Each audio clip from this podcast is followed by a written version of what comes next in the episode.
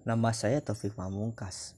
Saya lahir di Bandung tahun 1959. Profesiku sebagai mahasiswa, tetapi tidak menjadi mahasiswa yang rajin seperti orang lain. Dan aku mengurungkan niat untuk berubah profesi menjadi pemain e-sport. Namun itu pun sangat sulit sampai sekarang. Tapi pada saat ini saya tetap bermain PUBG untuk meraih sebuah impianku menjadi pemain e-sport.